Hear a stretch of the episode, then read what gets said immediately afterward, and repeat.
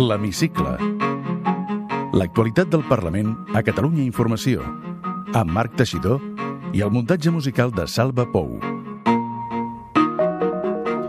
Setmana d'activitat parlamentària basada en les comissions i sobretot pels moviments de l'entorn dels partits, és a dir, la renúncia de l'Hisenda Alemany com a portaveu de Catalunya en Comú Podem i la presentació del Consell per la República, esdeveniments que han interactuat directament en els grups parlamentaris. Davant d'aquesta presentació, a la Comissió d'Afers Institucionals, el PSC Units per Avançar ha portat a debat una proposta de resolució per defensar les institucions catalanes. I tot això quan Pompeu Fabra ha entrat al Palau del Parlament. Aquests dies una exposició sobre la figura del filòleg català omple alguns dels espais de la seu del Parlament. Benvinguts a l'Hemicicle. L'Hemicicle. L'actualitat del Parlament a Catalunya Informació. Neix el Consell per la República i l'oposició hi carrega en contra. Es otro chiringuito más donde colocarán a sus amiguetes. Es una institución fake que vuelven a crear con dinero de todos. Es otra vez un intento de suplantar a las instituciones democràtiques. En seu parlamentària, debat sobre la defensa de les institucions. No podem deixar des del Parlament de Catalunya que algú pretengui erigir-se en representant del poble de Catalunya quan ho és el Parlament de Catalunya. Respecte a la institució del Parlament de Catalunya és posar a la presó a la presidenta del Parlament de Catalunya per haver permès un debat? Catalunya en Comú Podem es fractura. En el cas de l'Elisenda, doncs precisament no marxa del grup parlamentari. Nosaltres continuem comptant amb ella com un valor importantíssim. Pompeu Fabra s'instal·la al Parlament. Molt més enllà de ser doncs, un gran filòleg, de la seva transcendència a la llengua catalana, també va tenir moltes implicacions en el món de la societat civil catalana. I ens contestaran una frase al qüestionari de l'hemicicle. Vidal Aragonès Chicharro, diputat de la CUP al Parlament de Catalunya.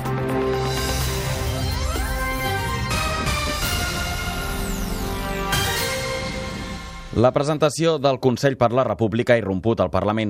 Tot i ser un òrgan privat, els partits amb representació en el ple ho han valorat en seu parlamentària.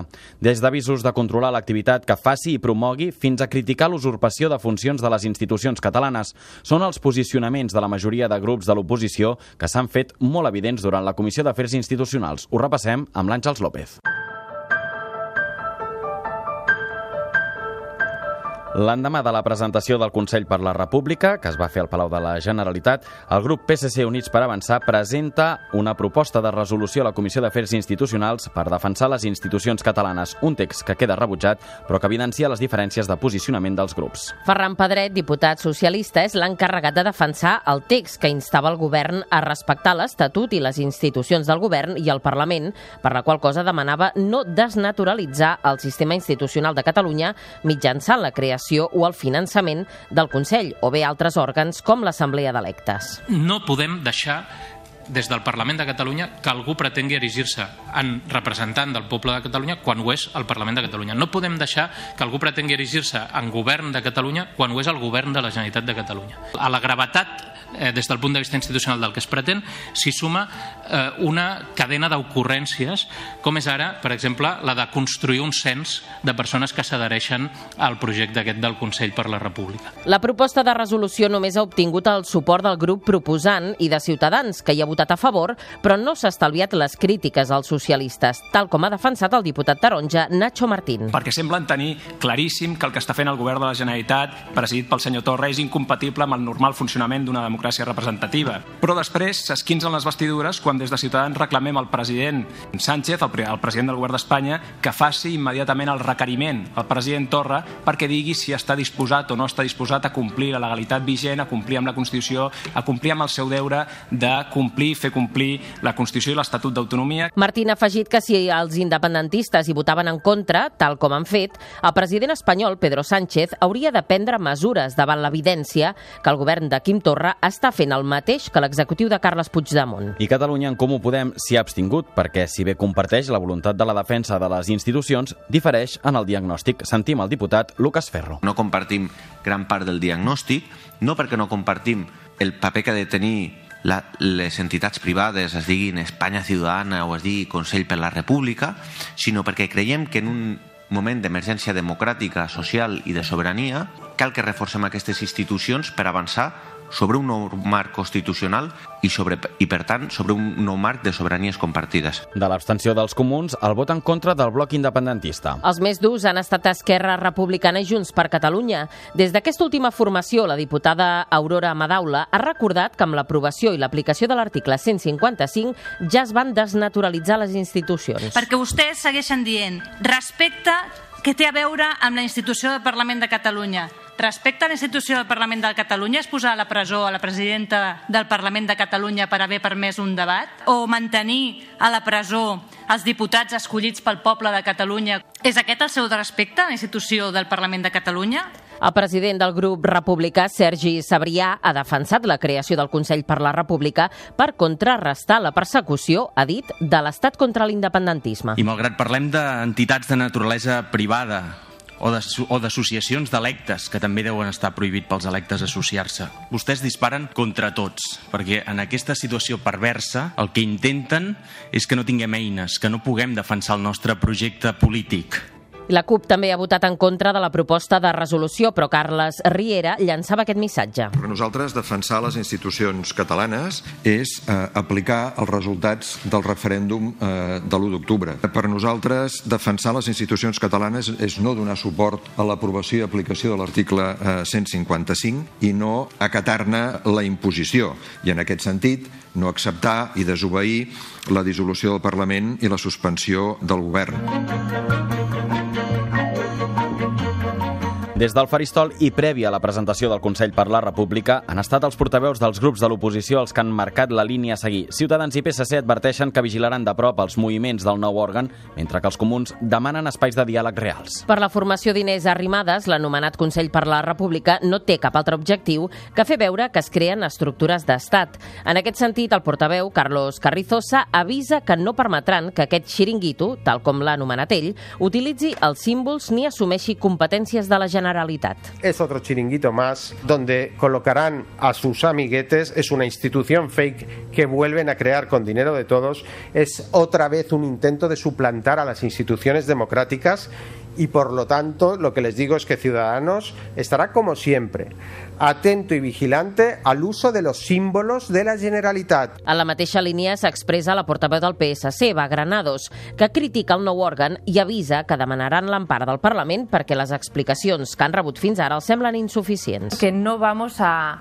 a permitir que el president Torra dé alas a la desobediencia de Puigdemont y en un momento en el que está claro que están bajando los apoyos al movimiento independentista se intente usurpar las funciones de nuestros órganos de autogobierno. Catalunya en Comú Podem lamenta que es creïn nous òrgans privats i no s'aposti en canvi per espais reals de diàleg. És la primera intervenció de la nova portaveu dels comuns, Susana Segovia. Nosaltres seguim veient aquesta improvisació, aquesta manca de rumb per part del govern. En aquest sentit, en lloc de centrar-se en coses concretes i en donar passos cap endavant i donar al Parlament de Catalunya la centralitat que es mereix com a representant i ostentació de la, de la sobirania del poble de Catalunya, veiem que es tornen a centrar en organismes paral·lels i, o en convocar unes reunions protocolàries de partits que no responen al que realment nosaltres i altres forces polítiques hem demanat. Segovia demana a Quim Torra i al govern que apostin per un diàleg transversal.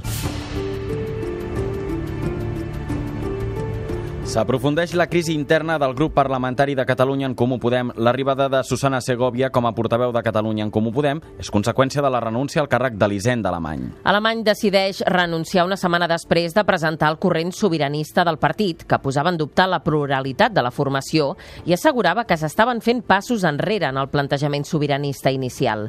A través d'un comunicat a les xarxes socials, la fins aleshores portaveu dels comuns argumenta que, donada la situació interna del partit, altres companys anys ho podran fer millor que ella al capdavant del grup parlamentari. Alemany no estalvia crítiques i afegeix que el grup està replicant dinàmiques i posicionaments polítics que recorden massa a Catalunya sí que es pot, la coalició electoral que ocupava l'espai dels comuns la legislatura passada, i acaba dient que continuarà compromesa a construir un nou país i en comú des del sobiranisme progressista. El portaveu del partit, Joan Mena, parla de decisió personal i no entra a respondre a les crítiques d'Alemany.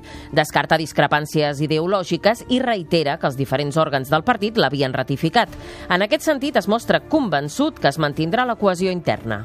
En el cas de l'Elisenda, doncs, precisament no marxa del grup parlamentari. Nosaltres continuem comptant amb ella com un valor importantíssim de Catalunya en Comú Podem i, per tant, doncs, eh, esperem doncs, que aquesta situació doncs, es normalitzi i que el grup parlamentari, com ha demostrat fins ara, continuï treballant des de la cohesió interna i des del respecte al ideari. Després de la renúncia, el grup parlamentari escull Susana Segovia com a nova portaveu i la diputada d'iniciativa Marta Ribas com a portaveu adjunta. Al marge de l'activitat parlamentària, al Parlament i fins a finals d'any també s'hi pot visitar una exposició amb documents i arxius relacionats amb la figura de Pompeu Fabra. L'exposició mostra el fons històric de la Biblioteca i l'Arxiu del Parlament que vol servir de testimoni i difusió de l'activitat i el compromís de Fabra en diversos àmbits de la societat catalana més enllà de la seva tasca com a filòleg. Coincidint amb el 150è aniversari del seu naixement, el Parlament recull una mostra sota el títol Pompeu Fabra molt més que un gramàtic, una exposició sobre la seva dedicació a la la llengua, l'èxit de la seva tasca i del seu enorme treball, juntament amb les seves conviccions cíviques i patriòtiques, deixen empremta també en el vessant polític. Ens ho explica Elvira Bosch, cap de l'àrea de recerca, producció documental i biblioteca. Molta gent potser desconeix que Pompeu Fabra de fet era enginyer, era enginyer químic. Ell eh, era filòleg per afició i la seva gran tasca, la seva gran aportació doncs, eh, va ser aquesta codificació del català.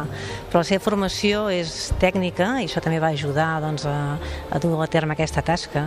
També era doncs, una persona que li agradava molt la muntanya, li agradava molt l'excursionisme, li agradava molt l'esport, era tenista, era nedador i també va participar doncs, amb, amb els campaments eh, Fabra, o més ben dit, els campaments de, de Palestra, una entitat eh, juvenil adreçada a la joventut catalana, amb aquest ànim doncs, de donar a conèixer el territori català, la cultura catalana, la llengua, per descomptat, i també amb una vessant social. L'exposició recull l'activitat política i social de Fabra, tal com explica Elvira Bosch. Destaquen algunes obres doncs, que són originals, on podem veure documentació dels assistents al primer Congrés Internacional de la Llengua Catalana, que va tenir lloc a l'any 1906 i en el qual Pompeu Fabra ja en va formar part amb unes aportacions molt interessants.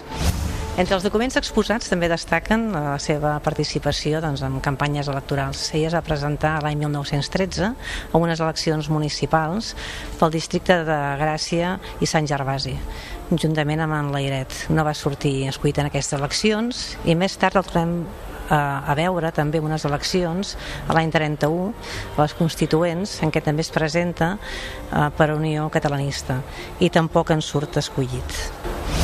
Malauradament, tota aquesta activitat que té ell amb la societat civil, amb aquesta aportació, aquest gran reconeixement que té ell eh, com a català destacat, tota aquesta implicació en palestra, tota aquesta implicació també doncs, amb alguns partits polítics, el que fan és que malauradament doncs, a, a l'any 39 l'empenyen cap a l'exili i a l'any 41 es dicta una sentència contra ell en què el condemna doncs, a aquest exili perpetu, a una multa econòmica important i a la inhabilitació en qualsevol qualsevol, de, qualsevol càrrec.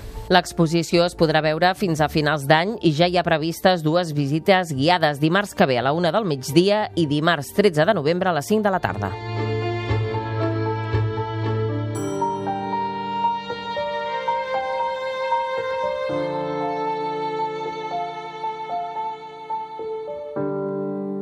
En una frase. I aquesta setmana a l'entrevista de l'Hemicicle Carme hem parlat amb el diputat de la CUP, Vidal Aragonès. Què t'ha explicat? Doncs mira, ens explica quan li sembla que pot acabar la legislatura, que és fer política deixant escons buits al Parlament i ens parla també de la felicitat. Té la paraula. Vidal Aragonès Chicharro, diputat de la CUP al Parlament de Catalunya. Què hauria de ser Catalunya segons vostè? Hauria de ser una societat lliure de tot tipus d'explotació, i per explotació tant la nacional com la social, per tant superant el que a dia d'avui és l'estat espanyol i la Unió Europea i superant el que a dia d'avui és el capitalisme.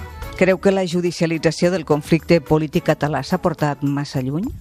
Eh, s'ha portat fins a l'extrem, perquè l'única resposta que poden donar des de l'aparell de l'estat espanyol no és democràtica o política, sinó repressiva o judicial. Hi ha presos polítics a Catalunya? Clar que hi ha presos polítics. Vostè ha visitat algun dels presos o s'hi ha cartejat? He visitat a diferents presos i a diferents preses polítics. Creu que haurien d'estar en llibertat provisional, si més no, en espera del judici i esperar a casa seva? Haurien d'estar en llibertat, sense la provisió, sense la provisionalitat, millor dit. Es diu que Catalunya està dividida gairebé meitat-meitat entre els que volen la independència i els que no la volen. Eh, Pedro Sánchez descarta acordar un referèndum en Catalunya. Per tant, per vostès, quina és la solució en aquest moment? La solució, com sempre, és la democràtica, i ha de ser la democràtica. I la democràtica és que el poble decideixi i en relació amb la seva decisió que es pugui avançar democràticament. Vol dir fer un altre referèndum? Vol dir eh, que es compleixi allò que ha decidit el poble. No pensem que sigui tan important fer un altre referèndum, sinó que l'endemà d'un adui o un altre referèndum, nosaltres no entrem en aquesta qüestió com la fonamental, tinguem un exercici efectiu del dret d'autodeterminació. Vostès han optat per estar a l'oposició aquesta legislatura i amenacen fins i tot de marxar de la cambra. Marxar del Parlament és fer política? Marxar del Parlament pot ser fer política, perquè el que han dit és que potser fem bloqueig al Parlament per estar més intensivament i més extensivament al carrer. Per tant, pot ser fer fins i tot més política. Aquí el que veiem en, en lo quotidià no és gaire política, és pura gestió d'engrunes. Estan disposats, per tant, a forçar, si és necessari, una convocatòria d'eleccions si el govern no té els prou suports per aprovar els comptes? No tenim la clau per això no valorem tant que la importància estigui en que hi hagi o no hi hagi eleccions, sinó que evidentment aquesta és una legislatura que ha nascut morta i que el seu desenvolupament no servirà per gaire. Però no donem nosaltres tanta importància amb unes altres eleccions que es portarien possiblement amb un paisatge des d'un punt de vista electoral molt similar a l'actual. Però vostè sap que o es tira endavant la legislatura tal com la tenim o hi haurà noves eleccions autonòmiques. Pensem que potser això ve més determinat per la notificació de la sentència del Tribunal Suprem i no pas per dinàmiques dins del Parlament. Quina autocrítica hauria de fer la CUP en el panorama actual? On han fallat vostès i per què? Doncs segurament hem fallat i hem de fer autocrítica i és molt necessària en no saber en alguns moments explicar el que et defensaven, en d'altres moments potser no explicar tot el que sabíem i ara, evidentment, estem fallant en no tenir capacitat per organitzar amb una majoria del poble que continua pensant que hem d'avançar nacionalment i que aquest avançar nacionalment també significa construir una societat més justa socialment. Es proposa una gran mobilització a nivell europeu, hem sentit dir d'alguns partits. Vostès estarien d'acord amb això? Nosaltres estaríem d'acord amb una gran mobilització a nivell europeu. El que no acabem de veure gaire és una manifestació concreta d'un dia en una ciutat d'un estat europeu, que és una cosa ben diferent. Les mobilitzacions han d'estar aquí, al conjunt dels països catalans, però sobretot al Principat, per reactivar el que ha estat el moviment popular dels darrers anys. Aquesta mobilització que vostè deia als països catalans hauria de ser permanent? Nosaltres hem dit moltes vegades que sí. Evidentment hi ha esdeveniments que provocaran més tensió, més resposta, però no volem entrar en una lògica de normalitzar el que no és normalitzable. Tenim presos polítics, tenim una intervenció permanent de l'estat espanyol, tenim fins i tot la creació d'un paradigma fals sobre el que està passant no únicament al conjunt dels països catalans, sinó essencialment al Principat, i per tant pensem que la mobilització ha de ser permanent. La retirada de la mobilització permanent ens pot portar a derrotes polítiques importants. Com s'ha de fer perquè tothom tingui dret a una vivenda digna? Doncs primer de tot, eh, s'ha de fer un parc d'habitatge públic eh, que doni una alternativa digna, no un pedaç eh, al problema de l'habitatge. Segon, eh, s'ha de desenvolupar encara més un exercici en el qual el dret a l'habitatge pugui estar per sobre del dret a la propietat privada dels especuladors. I tercer, hem de reforçar unes normatives que el Tribunal Constitucional ens va suspendre i ens va anul·lar. Llavors aquest per nosaltres és el camí en tres fronts diferents. I com s'aborda per eliminar-la, la pobresa energètica? Doncs primer de tot, eh, nosaltres plantegem que aquelles empreses que gestionen subministres no haurien de ser empreses privades, haurien de ser empreses públiques. Empreses públiques que, a més, tinguessin com un element principal que no es pot deixar sense subministres bàsics a cap persona. Quan li sembla que durarà aquesta legislatura? Eh, durarà fins al moment que es notifiqui la sentència, que els dies següents o les hores següents eh, s'anunciarà, eh, a banda d'una gran mobilització, eh, convocatòria d'eleccions. Quina llei li agradaria aprovar abans que acabi la legislatura? Una que vostè tingui eh, especialment en ment. M'agradaria, ens agradaria que s'aprovessin 4 o 5 lleis però si ens quedéssim amb una, doncs la que pugui garantir l'alimenta- l'alimentació per, eh, per digna per tots els catalans i totes les catalanes. Vostè té mútua o va a la salut pública? A la salut pública. I vostè viu en un pis de lloguer o en una casa de lloguer o viu de propietat? Vic de propietat, d'una propietat relativa, que, que formalment eh, jo tinc el dret de propietat, de fet la meva parella, la meva companya, la meva dona i jo tenim el dret de propietat, però realment qui té més força és el banc. Amb quin diputat que no sigui del seu propi grup compartiria taula i conversa d'una forma relaxada? Eh, Gemma Espigares, Esquerra Republicana de Catalunya. Digui'm un pecat confessable. És que no sóc, no sóc creient, llavors això dels pecats... Doncs un vici confessable. Un vici confessable, eh, un material, eh, el cafè, i un que no és material, el control del temps. Quina música l'identifica? Eh, si parléssim a nivell d'aquest país, doncs un grup com Inadaptats a la meva generació eh, va significar eh, moltíssim. Imagino que vostè llegeix eh, novel·la, poesia, no sé si té vostè un llibre de capçalera. No tinc cap llibre de capçalera, tinc molts llibres de capçalera. Eh, penso eh, ràpidament així, eh, homenatge a Catalunya i Orwell per mi és un, un llibre de capçalera. Què és el que el fa somriure a vostè inevitablement? La felicitat, com a qualsevol altra persona. Què és el que li fa por? Eh, em fa por no tenir la capacitat per respondre a les necessitats col·lectives de cada moment. Completi'm aquesta frase. El que més m'agradaria del món és... Que tinguéssim una societat alliberada de tot tipus d'opressions. Moltes gràcies. A vosaltres. La setmana que ve a l'hemicicle recollirem tot el que doni de si al ple que es farà de dimecres a divendres i on entre la sessió de control al president i el govern es debatrà el decret llei sobre les retribucions als funcionaris i també faran els debats de totalitat de dos projectes i dues proposicions de llei. I el síndic de Greuges presentarà al ple l'informe sobre la reacció penal a l'1 d'octubre i a l'aplicació de l'article 155. Fins aleshores. Podeu tornar a escoltar l'hemicicle al web catradio.cat barra o al podcast del programa i seguir l'actualitat del Parlament al perfil de Twitter arroba L-hemicicle.